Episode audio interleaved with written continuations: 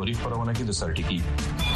د پاکستان وزیر اعظم د عرب اماراتو نوروستو لچین څخه هم د قرضو د مودي غزولو غوښتنه کړې د پاکستان د انتخاباتو کمیشن د کال 2023 د عام انتخاباتو په مهال د امنیت ټینګ تلو لپاره د پولیس سټیشنو څخه بهر د پوز د تعینات کولو نوټیفیکیشن جاری کړي د پښتونخوا په ټانک کې د وابرا درې ټیکداران تختول شوي بلخوا په درازین د سیمه کې د ځایي مشرانو یوې جرګې د حکومت او پوز نه په سیمه کې د امنیت پر ځای کولو غوښتنه کړې او د انصاف نړیوال عدالت نن په اسرائیل د نسل وژنې په تور د مقدمې لړمحاله پریکړه اوري دا په داسې وخت چې په غزه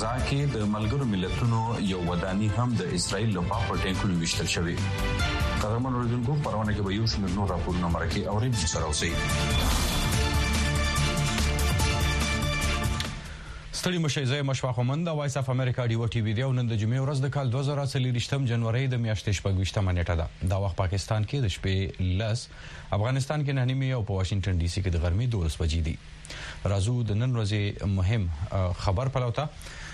د پاکستان د انتخاباتو کمیشن د کال دوه زره څلوېښت د عامو انتخاباتو په مهال د امنیت ټینګ ساتلو لپاره د پولنګ سټېشنو څخه بهر د پوځ د ګمارلو نوټیفیکیشن ورکړی او ورسره یې د سیول آرمډ فورسز او پوځي اهلکارانو لپاره نولس نکاتي ضابطه اخلاق هم ايښودي دي چې پکې په پوځ باندې غږ شوی دی بايد چې د ټاکنو په مهال دوی بې طرفه پاتې شي او د ووټونو د شمېرنې په عمل کې مداخلت ونه کړي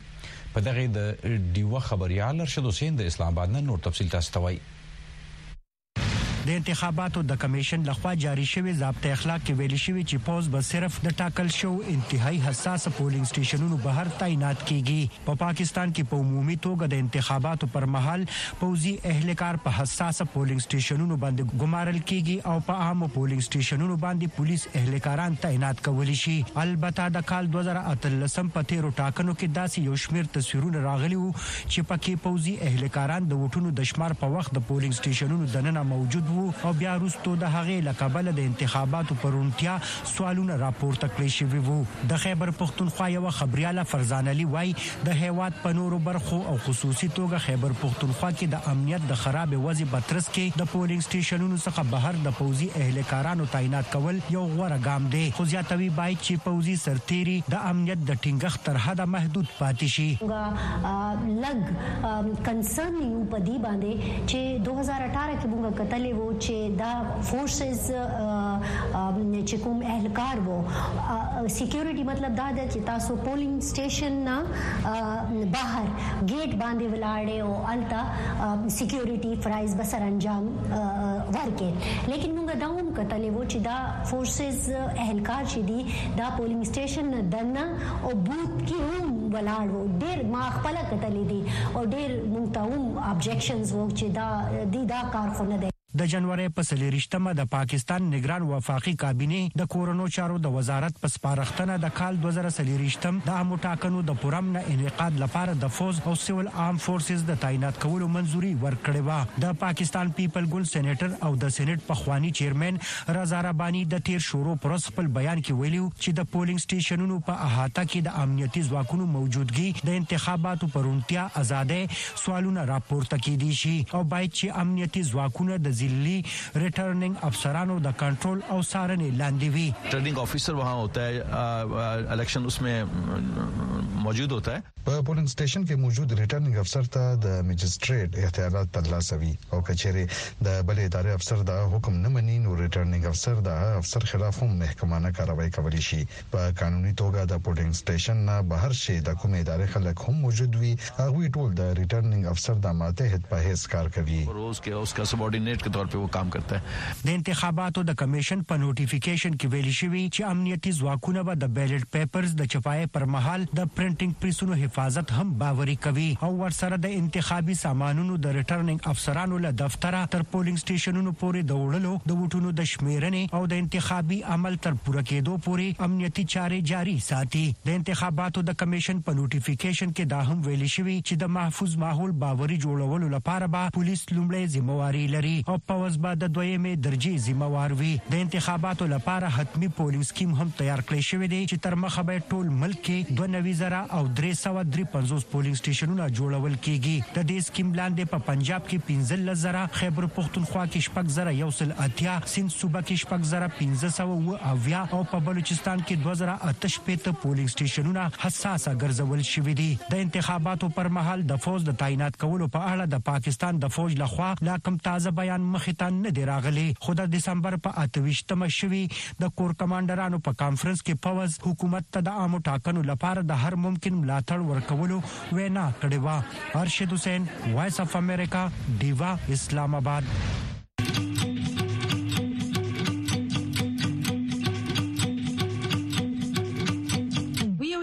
سټلایټ ټي وي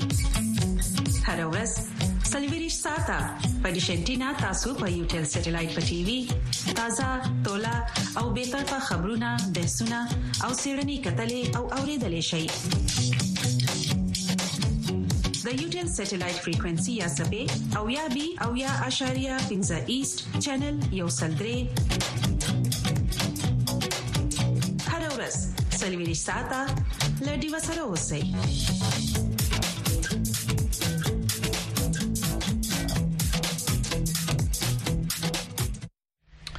د ډیو ټي وي او ساته خبري خبرونه ته وګي امریکا پاکستان کې په میډیا او د رائے په اظهار په لګول شو بندیزونو اندېښنه ښکارا کړې او ویلي دي چې د رائے د اظهار مخې ته بندونه وهل د پاکستان د خپلې پالیسۍ په ضد دي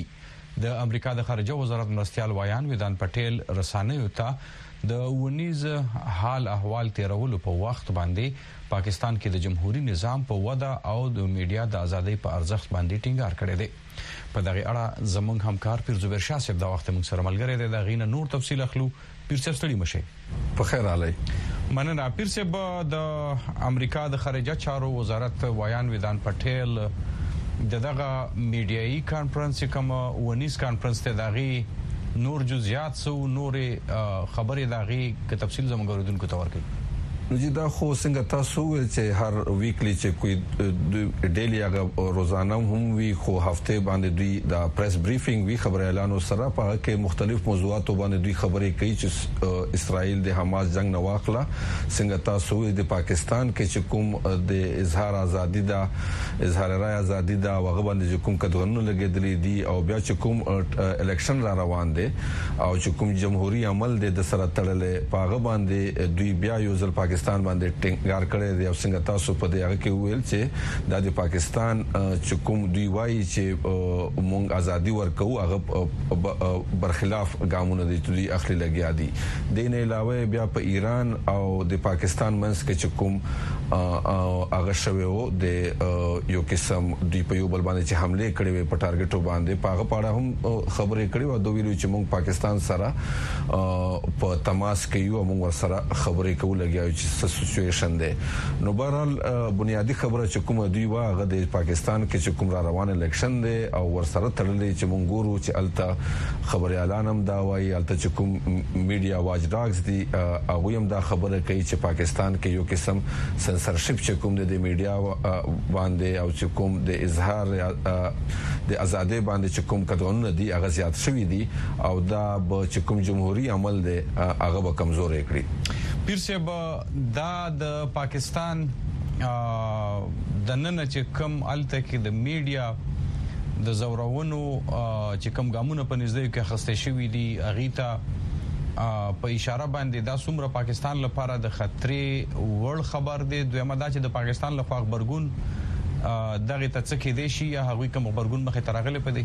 نو چې پاکستان خبرګون خو لا نه دی داسې راغلی خو پاکستان مخکې همیشه وایي چې کتا سو ګورئ اوس د عمران خان د حکومت والا چې کله عمران خان حکومت او پی ټی آی والا نو عمران خان بداویل چې مونږ چې کوم میډیا دا غد د یورپ او د امریکای د میډیا نه هم زیاته آزاد ده خو چې کوم صورتحال په ځمکني صورتحال او غو بدل جدا او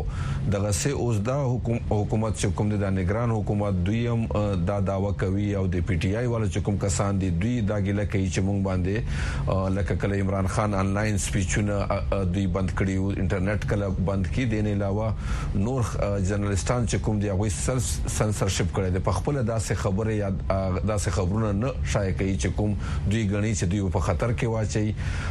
نو هغه وجه نه لکه دا اوس صورت حال چې کوم دی هغه د امریکا هم خامخا په نظر وي خو بهرحال پاکستان به چې څومره هم داسې ګامونه اخلي نو امریکا څومره په خبرګون خاره کوي نو په پاکستان به فشار زیاتیږي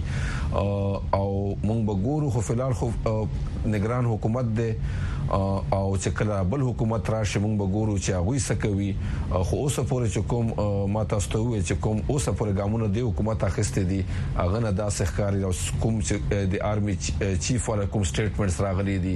د پرایم منسټر انور الحق کاکړ چې کوم سټیټمنټس راغلي دي د سوشل میډیا په حواله سره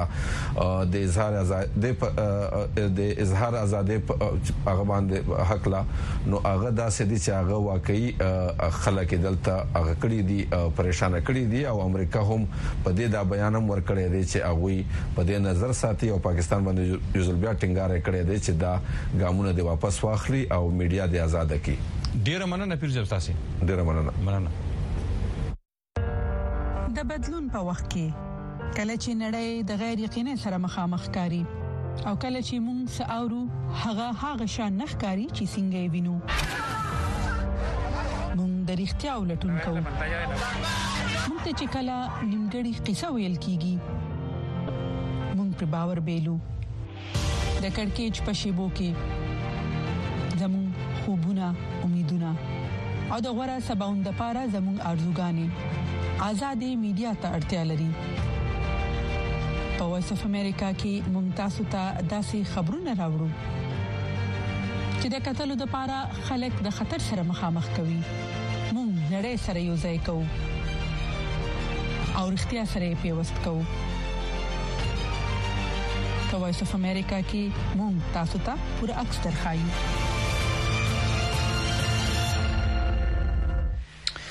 د ډیوه ټي وي خبرونه له هم دوام لري او سم ستاسو پام راګرځو د بل راپور په لوتا سیړون کې وای د پاکستان د پوز سرلخر جنرال عاصم منیر دوه ورځې وړاندې چې کومې خبرې کړې وي نو په هغې کې هېڅ نوې خبره نشته او د تېر وخت په رنګ یې دا ځل هم د خرابې امنیتي وضعې پړه په افغانستان ور اچولې ده. دوی وايي د داسې څوکۍ له اړخ نه داسې بیانونه ورکول هم ګاونډي هېوادونه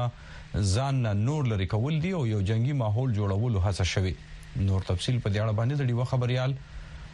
فرید شینواري تاسې ته د سیمې څخه درکوي.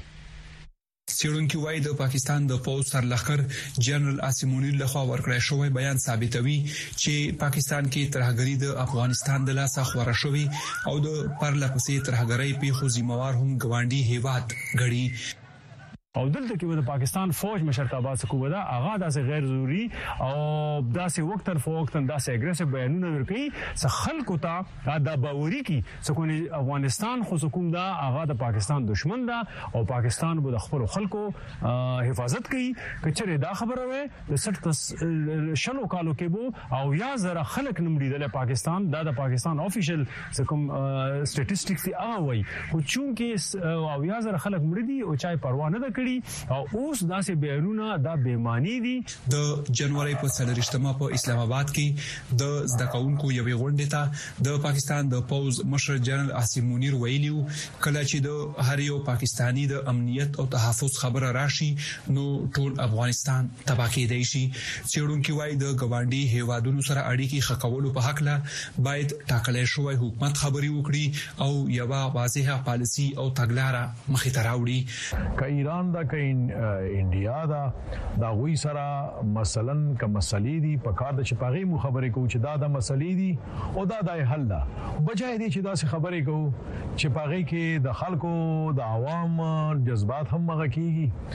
ګرميږي او دا غینا بیا مثلا د د امن طرف لام خبره نزيد غوي سره چې کوم هغه له سیګنل زی پاره کې ممن نشته او دریمه امپورټنت خبره دا ده چې دا د سرلخر کار نه ده دا د عوامي عوامي نمائندګانو د پارلیمنت کار د چاغوي دا خبرې کوي د ایکسپریس ټریبیون ورځپاڼې د خبر تر مخې د پاکستان د پوز سرلخر په خپل وینا کې دا هم ویلي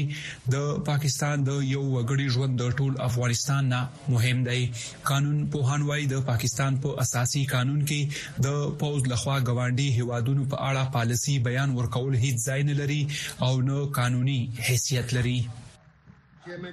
اوس که د دې غرض دا وي چې مونږ به صرف او صرف دغلته مشته کم قامونه چې دي واړه قامونه که هغه د دې سره په پوله شریک د بلوچستان دی او که هغه د پښتنو سیمې دي نو دا ځپلي شوي دي دا به نورې ځپو په دې باندې به نور جنګونه اعلانوو نو د دې نه ښه دا نه ده چې دا سیاسي خلکو ته پریږدي د خارجه پالیسي سیاسي خلکو ته پریږدي او په دې باندې د دوستانه د کاروبار د راشه درشه یو پالیسي اختیار کړي او په دې د خلکو سره په د دامن د لارې د باچیت د لارې خبرې وکړي او تعلقات جوړ کړي کومګه ټول عمر دا دړکې کو په افغانستان کې واکمنو طالبانو د پاکستان د پوځ مشر جنرال عاصم منیر لخوا ورکړای شوی بیان ته په سمدستي توګه ځواب نه دی ویلی. څېړونکي وایي د جنرال عاصم منیر له اړخه ورکړای شوي بیان سره به د پاکستان ګوانډي هیوادونو سره په اړیکو کې په راروان وخت کې نور تاوتریخوالی زیات شي او په راتلونکي کې به په هیواد منفي اغیزې ولري. فرید شینواری، وایس اف امریکا، ډیوه، پېښور.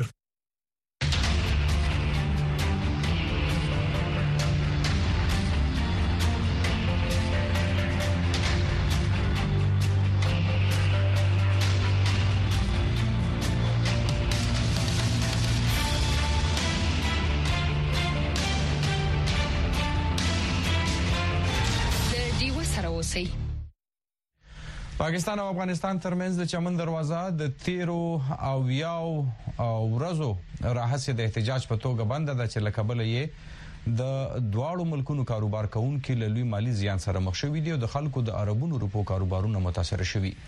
دا دروازه د حکومت پاکستان د پاسپورت د پاسپورت لازمي کولو د اعلان نه پست تړل شوې ده چې ځای خلکو دا فیصله د منلو څخه انکار کړی دی د ډیوا خبريال نعمت الله سرحدي دغه نور تفصيل درکوي د چمن او سپین بولدک ترمنځ لوی لار باندې د ځای خلکو او د آل پارټیز تاجر لغړي اتحاد لخوا ول شوی پرلت نن په سلمه ورځ هم روان دی خو د دغه پرلت کوونکو لخوا د پاکستان افغانستان ترمنځ لوی لار د بندولو بیا اویا ورځې پر شوي دي چې له امله ټوله قسمه تجارتي چارې له چمن لارې په ټپه ولاړې دي ځايي تاجران وايي چې دغه لوی لار بندېدو له امله ودې ته په کروڼو روپو مالي زيانونه اوښتي دي. د ورځې چې موږ حساب ورته لګولی دی، زموږ د پاک افغان جوينټ چمبر د يو سروې مطابق چې څلور شپېته پنځه شپېته کروړه روپۍ د ورځې تاوان روان دی و حکومت پاکستان ته چې موږ په خزانه کې ټيکسونه، ريونيو، جمع کوله دا ودرېدلې دا ډېر لوی تاوان روان دی او تقريباً درې مياشت کېږي زموږ چمن باډر بند دی. دلته هم تقریبا د ورځې په کرونونو رپور موږ جمع کولې په خزانه کې دا ډیر لوی تاوان روان دی. آل پارټي ستاجر له غړي اتحاد لخوا د حکومت د ون رژیم پاسپورټ ویزې پریکړې عملي کولو په ضد تیر کال د شلم اکتوبر راهیسې پر احتجاج ناست دي او بیا د شلم نومبر څخه دغه لاره بنده کړې ده. پاکستان حکومت وايي چې په ملک کې روانې ناکرارۍ کابو کولو لپاره یې له افغانستان سره په ټولو داخلي دروازو باندې تګ او راتګ پر پاسپورټ او ویزې بندې کړې دي. تېره اونۍ په کوټه کې د بلوچستان حکومت ویاند جان اڅکزي د یو خبري کانفرنس په مهال ویلي وو چې تېر کال یکم نومبر څخه د ګاونډي هېوادو سره یې تګ او راتګ په پاسپورټ کېدو وروسته یو خو د قاچاق ینې سمګلینګ کچه راکمه شوې ده او بل ناخوښه شکمنو کسانو اوښتو راوښتو مخنیوی شوی دی خو د آل پارټي ستاجر له غړي اتحاد لخوا روان پرلت وهونکو د شلم نومبر څخه چې د پاکستان افغانستان ترمنځ لوی لاره بنده ساتلې ده سلوه جي سوداګري چاري په ټپه ولاړي دي. زموږ دغه دوکانونه دي دا مارکیټ دا د باډر سره تعلق لري هیڅ روزګار نشته دوکانداران خپل کریا نشي ورکوالای وروره د کور پر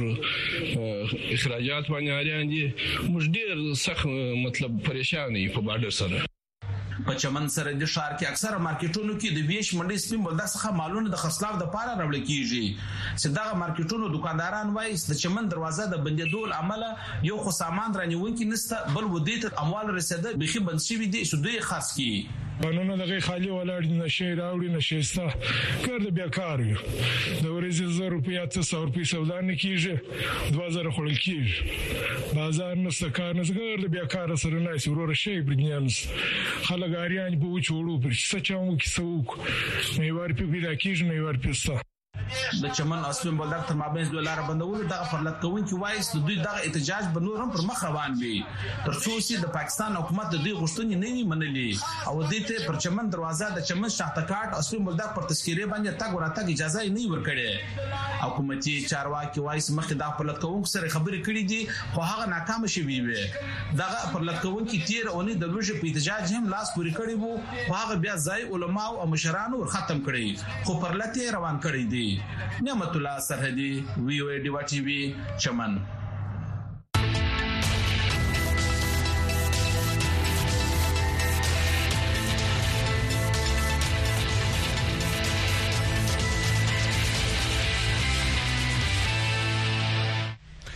د ډیو ټي وي خبرونه تنې خبرونه غو د واشنگټن ډي سي نه غواګي پاکستان په هند باندې تور لګولې د چې د دریم هیواد څخه د هند ایجنټان په پاکستان کې وژنې کوي.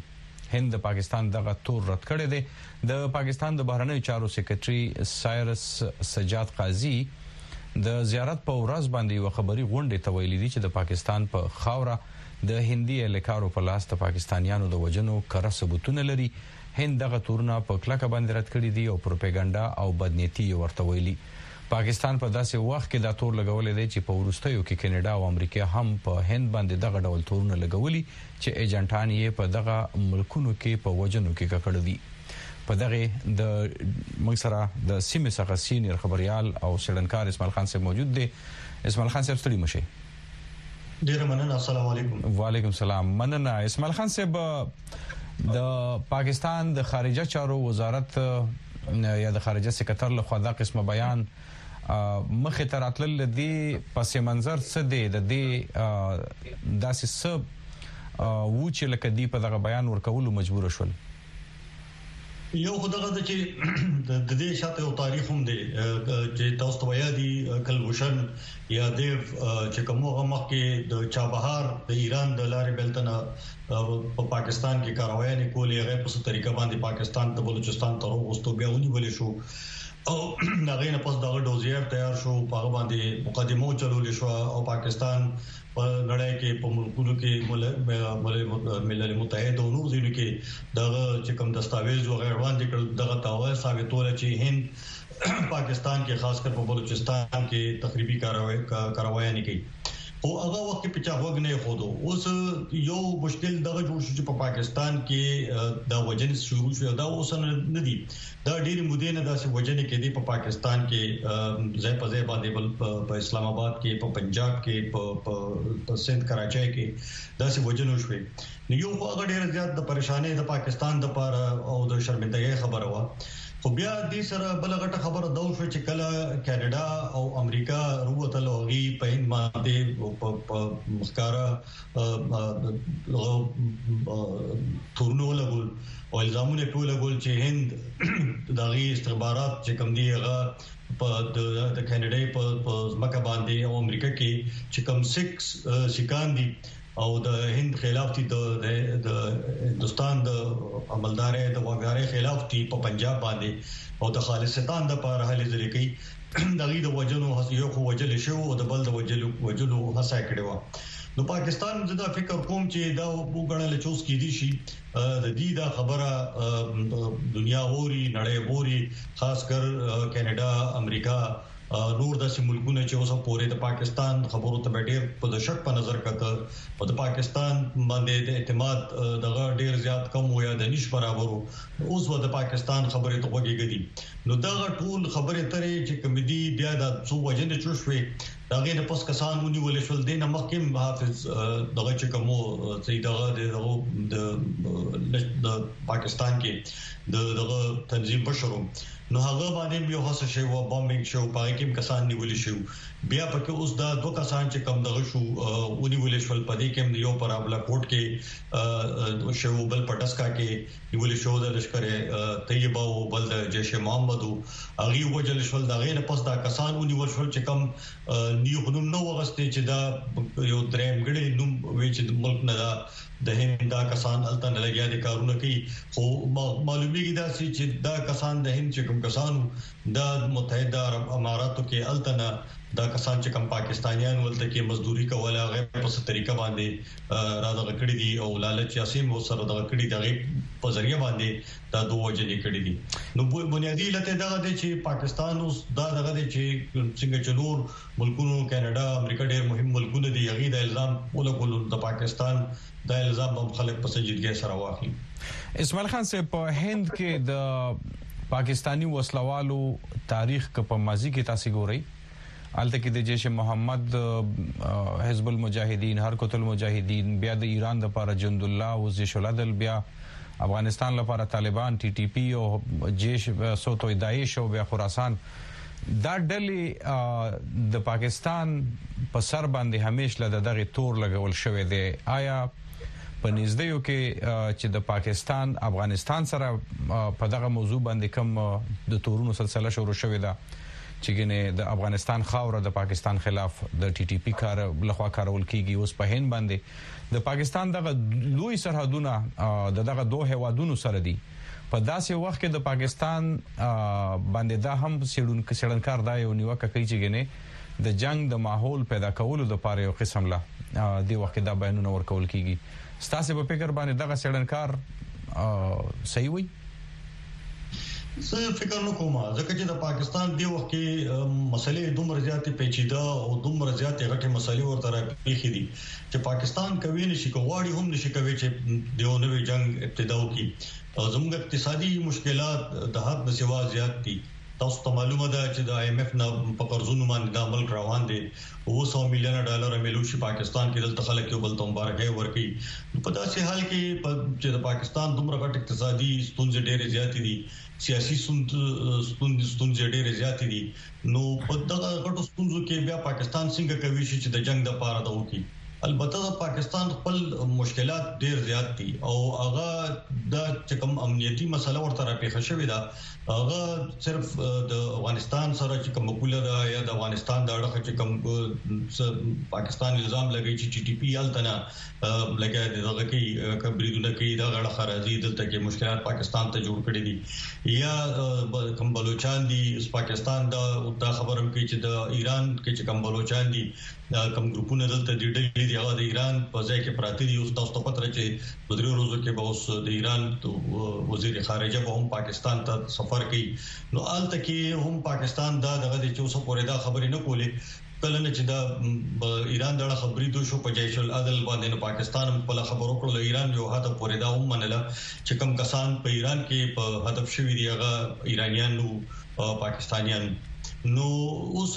یو خبردار چې د دوه سره مشکلات په خپل ځای باندې دي د هند سره هټیر په خوانې شخړه ده خاص کر د کشمیر سره په پوله باندې چې کوم حالات دي او په کشمیر کې په هند کې بیا ځانګړي چې کوم ګروپونه تاسو نمونه واغستل ګڼشمیر د اود حزب المجاهدین لشکر طیبه جیش محمد ډیر ډیر ډلې ډیر دغه چې کوم په پاکستان باندې الزامونه لګیدل او په د نړۍ ډیر ملکونو دا د پاکستان خواجه صاحب په خپل منلي دوه دوه ویا ډلې پاکستان کې موجود دي اسماعیل خان صاحب هغه وخت غلط او دا زما خپل دغه دار چې د هند دغه داوا د نړۍ ډیر ملکونو منلم وا او تاسو وګورئ خاص کر امریکای او هند چې څومره علامه خبرې شوې دي پاغي کې به کوشش دغه او پکې به ویل کېدل هم دا چې پاکستان نه غوښتنه دا کېده چې دلته کې د دې ګروپونو خلاف ګامونه پورته کړي پاکستان کله دا پر رسمیت باندې منل نه دا چې دا ګروپونه دلته کې دي خو امریکا او کم از کم هند په یو ځای باندې پدې دغه بیا هند کوشش کړې دي چې د سفارتي ذریعہ باندې ځای په ځای باندې د اواز روچت کې چې کم ګروپونه دي چې پاکستان کې یا د پاکستان په ملاتړ باندې په هند کې یا د هند ولکې د لاندې کشمیر کې کم کاروای نه کیږي دا غي غندنو شي پاکستان باندې فشار وړي چې دا بنګي او بیا دا نوې مسله چې کومه پکې را شروع شو دا دا ټارګټډ کیلینګز زما خپل دغه دغه دی چې دا نیو نوې ډایمنشن دی اسماعیل خان صاحب اسماعیل خان صاحب ډیرو بخې تاسو مې نه کوچ لکه دغه ټارګټ کیلینګ چې دی ورته اشاره کړې ده دا چې په قبایلي ضلعې زمونږ دي په ټانک او بنو کې او په شمالي وزیرستان کې دغلته کې چې کوم ټارګټ کیلینګ کیږي چې کوم امن غوښتونکي خلک په هدف کیږي هغه دی کنه دا نور دي نه دا نه یادي دا ټارګټ کیلینګ چې کوم دی دا زموږ په دغه کې په قبایلی سیمه کې یا نور ځینو کې دلته ټارګټ کیلینګ کیږي هغه شخصي وژنې چې کیږي هغه دغه نوعیت بدل لې دا ټارګټ کلی چې کوم دی دا هغه دی چې د لشکر طیبه یا د جیش محمد یا دغه څه کسان چې کوم دی ګروپونو سره تړل شي یا پاغي باندې هند یا د نور دغه داسې الزامونو چې دا کسان په هند کې یا په کشمیر کې چې کوم د هند لاندې د ولکې د لاندې کوم کشمیر دی الته کې چې کوم بریدونه شوې دي پاغي کې دا کسان پکې وو نو لکه تاسو چې ګورئ دا د شاهد لطیف باندې و چې د پټان کوټ الزام لګول شو د هنداړه چې د پټان کوټ په بریټ کې دی ویا د غرنګي محمد ریاض واره کې چې د الته کې ډانګري یو ځای دی هغه کې د بدمانه